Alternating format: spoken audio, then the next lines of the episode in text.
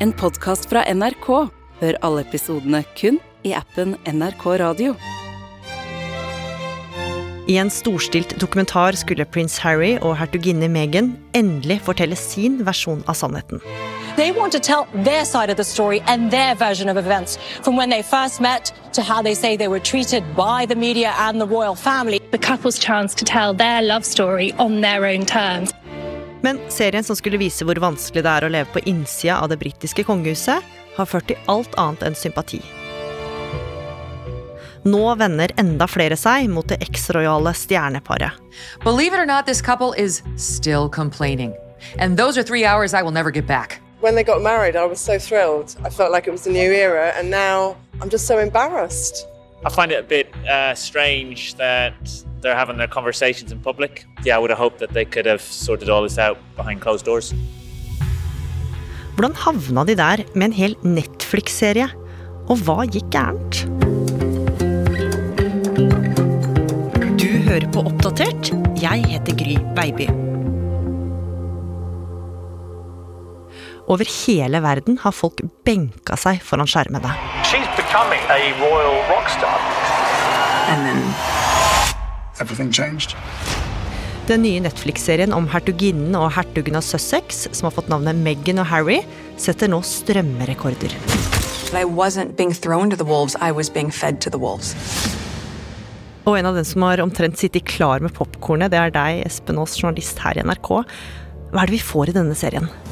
Vi blir med inn på innsiden av verden til Harry og Meghan i det storstilte huset, der ekteparet kaller hverandre ved forbokstav.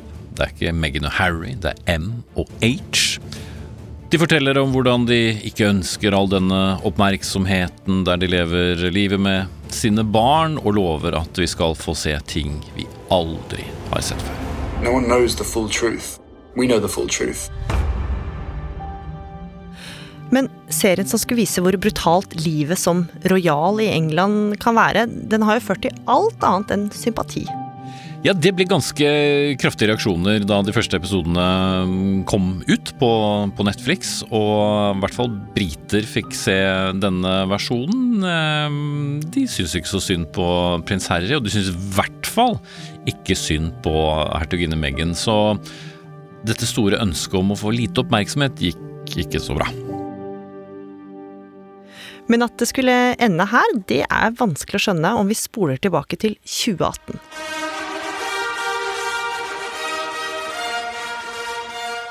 Det var en nydelig maidag i 2018. St. George's Chapel i London var badet i strålende sol, og utenfor kirken var det jubel for det nye paret, som var så flotte.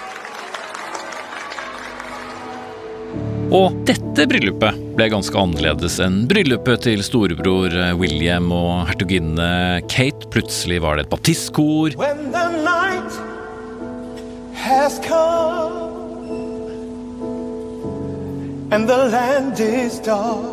Det var eh, en ganske amerikansk seremoni til tider, og folk som sto rundt meg, kikket litt på hverandre, og hva var dette? We must discover love, the redemptive power of love. And when we do that, we will make of this old world a new world. Be faithful to her as long as you both shall live. I will.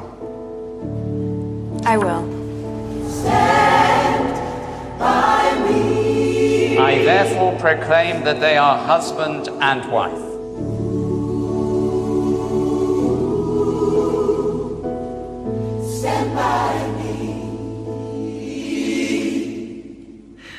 Og det at seremonien var annerledes enn det folk var vant til å se fra de kongelige, var kanskje ikke så merkelig, for det var jo langt fra en tradisjonell britisk aristokrat de hadde fått som nytt familiemedlem nå, Espen. Nei, dette var ikke en som tilhørte den britiske overklassen. Dette var en eh, amerikansk, litt kjent skuespiller og reality-deltaker. Var eh, mørkere i huden enn resten av kongehuset, men det folk først og fremst var opptatt av, var at hun kom fra helt andre kår, en helt annen bakgrunn enn det som er vanlig inn i kongehuset. Men selv om mange tok Meghan godt imot og likte fornyinga av kongehuset, så var ikke pressen særlig nådig. Deler av britisk presse var eh, opptatt av at hun eh, var annerledes, at det kom til å bli et nytt medlem av eh, kongefamilien, eksotisk DNA, som det sto, og ting var gjemt bort i små bisetninger. Og dette var vanskelig for Meghan, såpass vanskelig at prins Harry selv gikk ut med en pressemelding og ba pressen om å roe seg ned. Han dro paralleller til sin egen mor, prinsesse Diana, som eh, for ham ble jaget i døden av eh, paparazzi-fotografer og, presse da hun endte sine dager i Paris i august 1997. Og han var jo selvfølgelig kjemperedd for at hans nye kone skulle oppleve det samme som hans mor. Men til tross for det så tok det nygifte kongeparet fatt på de rojale pliktene sine. De reiste på offisielle turer sammen til gamle britiske kolonier. De deltok i offentlige tilstelninger, og de fikk etter hvert også barn sammen. Og det skulle jo vise at paret de skulle bli ganske populære. De var kjempepopulære. Folk gikk helt mann av huset for å se prins Harry, for å se uh, hertuginne Meghan. Det var uh, ja, Diana-tilstander på nytt bare mange tiår senere. Og det at hun ikke var som den klassiske britiske overklassen, var det jo veldig mange som satte pris på. Og at hun hadde en annen kulturell bakgrunn enn det som var vanlig i kongehuset, betød også veldig mye for mange. Så i grunnen så, så det ut til at paret slå seg godt til ro med å være kongelige superstjerner. Men det skulle vise at ikke alt var tipp topp på innsida, for en januardag i 2020 så kom paret med en beskjed det britiske kongehuset knapt hadde sett maken til de siste hundre åra. 8. januar, idet det begynte å nærme seg kveld på de britiske øyer, så dukket det opp et innlegg på den offisielle Instagram-kontoen til eh, paret, hvor det dukket opp mye så ved første øyekast så var det ikke noe spesielt. Et vakkert bilde, fine klær, fornøyde. Men teksten, hvis man begynte å lese den, det var en bombe. For uh, prins Harry og hertuginne Meghan de uh, skrev der at de ville trekke seg tilbake fra de fleste av sine kongelige plikter. De ville være økonomisk uavhengige av uh, kongehuset, men de ville også veksle mellom å bo i Storbritannia og i hennes hjemland USA. Og det her kom jo som et sjokk for britene, og avisene de kasta seg over nyheten. It's astonishing. It's momentous. It has no precedent in modern times. The golden couple have decided they're quitting. A monumental decision for such high profile members of the royal family. The Queen will be very upset. And I think that she possibly doesn't have really the courage or the willpower to deal with these sort of issues at her age. Dette var så spesielt at eh, de skrev knapt om annet når det gjaldt det britiske kongehuset, og det var mange spekulasjoner. Og handlet det egentlig om at eh, prins Harry og hertuginne Meghan nå var så populære at det ble skapt misunnelse hos eh, prins William og hertuginne Kate? Ble det et problem, og ble avstanden så stor at de følte at de ikke lenger kunne representere kongehuset, begge brødrene. Andre spekulerte i at Storbritannia ble for rasistisk for Meghan, at hun ikke orket å være der mer. Men så kom nyheten om at monarken selv, dronning Elisabeth 2., hadde godkjent flyttingen og hadde visst om dette i lengre tid. Og etter hvert så ble det også klart at de mista de rojale titlene sine, og at de ikke lenger skulle jobbe for kongehuset overhodet.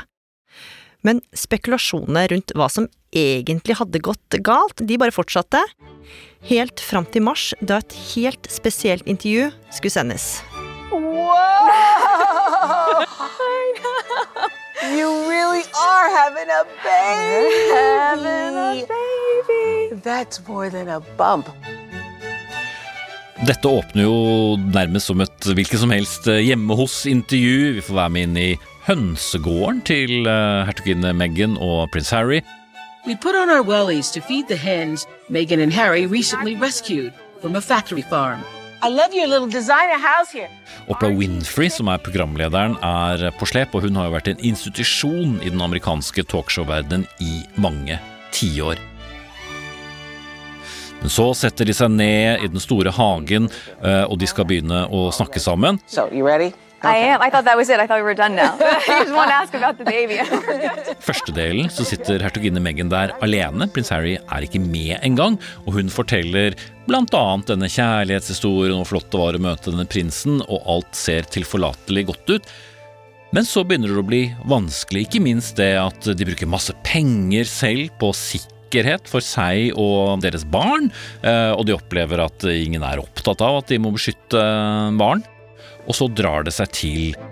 Prins Harry kommer inn, han blir bedt om å svare på noen av spørsmålene fra Oprah Winfrey, som vi også på forhånd vet har et nært forhold til dette paret, og det ser man under intervjuet. Men så kom da eh, sjokkerende ting frem, nemlig at det selv innad i den britiske kongefamilien hadde blitt poengtert at barnet til eh, hertuginne Meghan og prins Harry kom til å få en litt annen hudfarge. and also concerns and conversations about how dark his skin might be when he's born. Og dette visste programleder Oprah Winfrey kom, for før det var fullført, så sperret Oprah Winfrey øynene opp før hun sa What? And who who is having that conversation?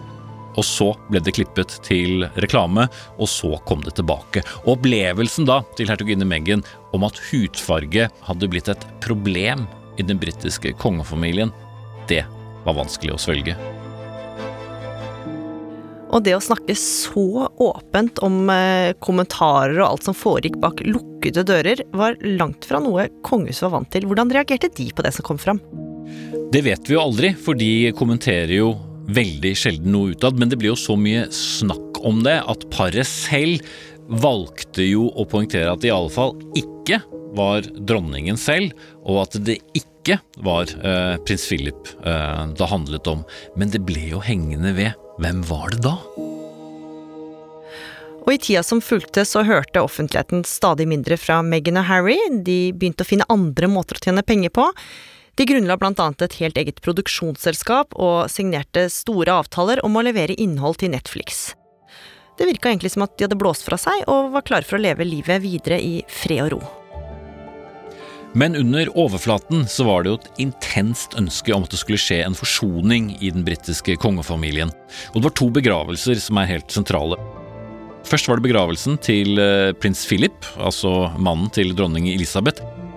Der fikk jo verden se bilder av at prins Harry og prins William gikk ved siden av hverandre og snakket før han dro tilbake og så, i september i år, så døde jo også dronning Elisabeth, og mange tenkte nå kommer dette øyeblikket, nå kommer øyeblikket hvor de to brødrene snakker sammen. De bilegger eventuell strid som måtte ligge der.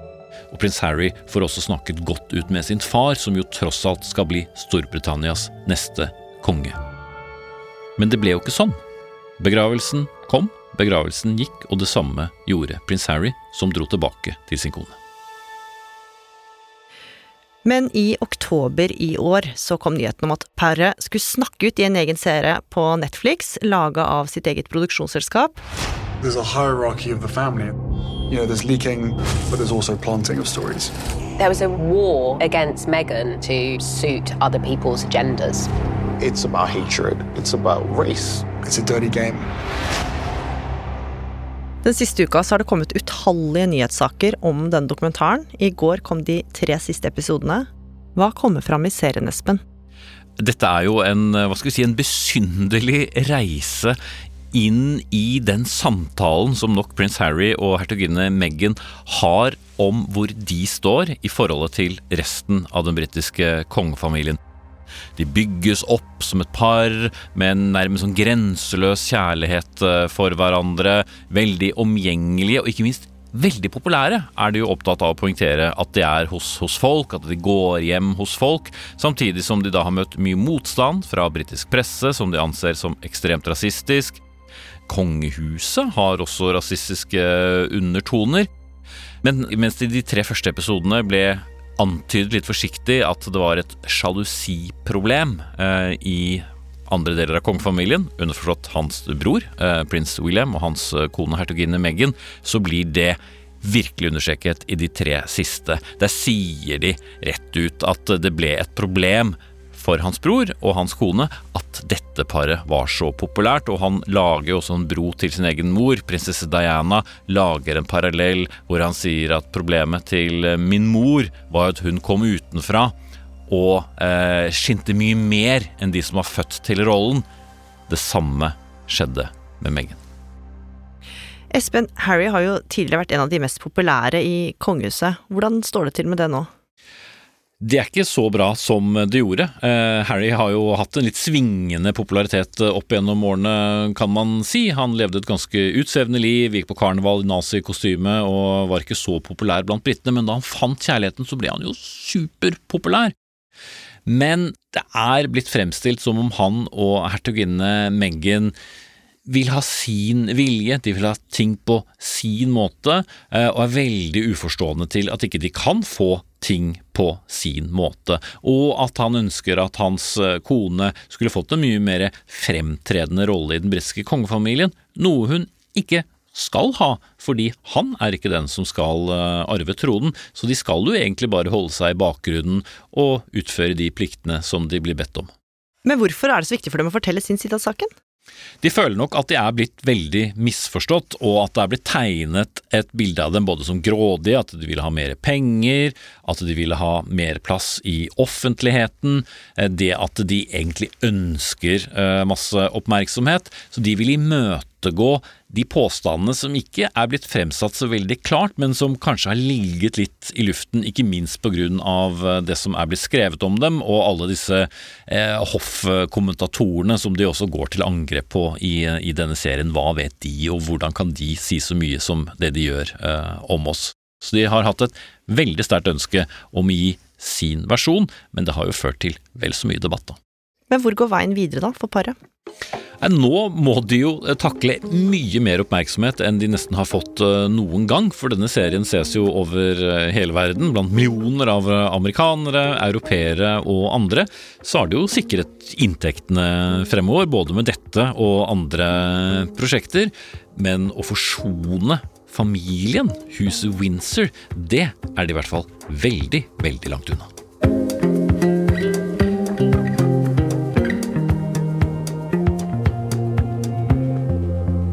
Oppdatert er en podkast fra NRK Nyheter, og denne episoden den ble laga av oss. Produsent Lars Hægeland. Lyddesign Pål Gauslo Sivertsen. Vaktsjef Ina Swann. Og jeg heter Gry Veiby. Programredaktør er meg, Knut Magnus Berge. Klippene du har hørt, er fra NBC, BBC, Sky News, CBS, Netflix, The Sun, TV 2, YouTube og NRK. Har du tips eller innspill, send oss en e-post, da. Adressen er oppdatert krøllalfa nrk.no. Og du, liker du det du hører, så må du gjerne tipse en venn om oss. En podkast fra NRK. Hallo, hallo! Det er Ronny og Liv her fra vårt bitte lille julekott, hvor vi prøver å finne julestemninga. Senke tempoet, nyte tiden før jul. Bitte små blaff av takknemlighet. Er du nå midt i en stressende førjulshandel? Ser huset ut som et fullstendig kaos? Nelvik og jeg, vi er her for å hjelpe deg! Den magiske julestemningen. Vi skal klare det. Jeg elsker jul. Julestemning med Live og Ronny hører du i appen NRK Radio.